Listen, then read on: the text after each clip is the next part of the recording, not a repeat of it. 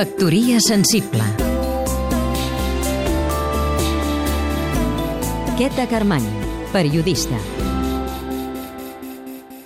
Més enllà de l'estora vermella dels 25.000 euros al cobert o de les celebritats, la gala del Met de Nova York és una de les pistes més fàcils per estar al cas de les tendències. Se l'anomena els Oscars de la moda, Precedeix l'exposició central del museu i hi desfilen les estrelles de la música, el cinema i la moda que han d'anar vestides d'acord amb el tema de l'exposició.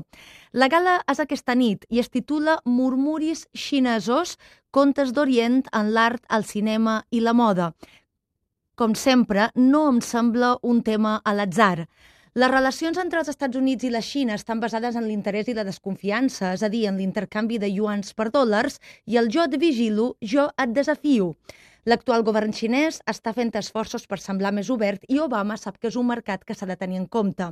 Els lligams entre tots dos han estat equilibrats sempre que Rússia no s'ha posat per mig. I també és cert que ara, amb un Putin envalentit, els Estats Units i Rússia no passen pel seu millor moment. Que una de les principals institucions de moda reti homenatge a la Xina és una estratègia magnífica per atreure el seu consum. L'excusa és bona, com l'Orient ha inspirat la vestimenta d'Occident, cosa que passa des de la ruta de la seda. El quipao, les mànigues amples, el collmao o els estampats. Sembla que les celebritats d'avui ho tenen més fàcil que altres anys, però la veritat és que em fa una mica de por.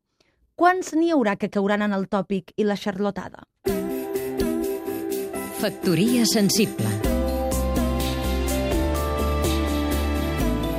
Seguim-nos també a catradio.cat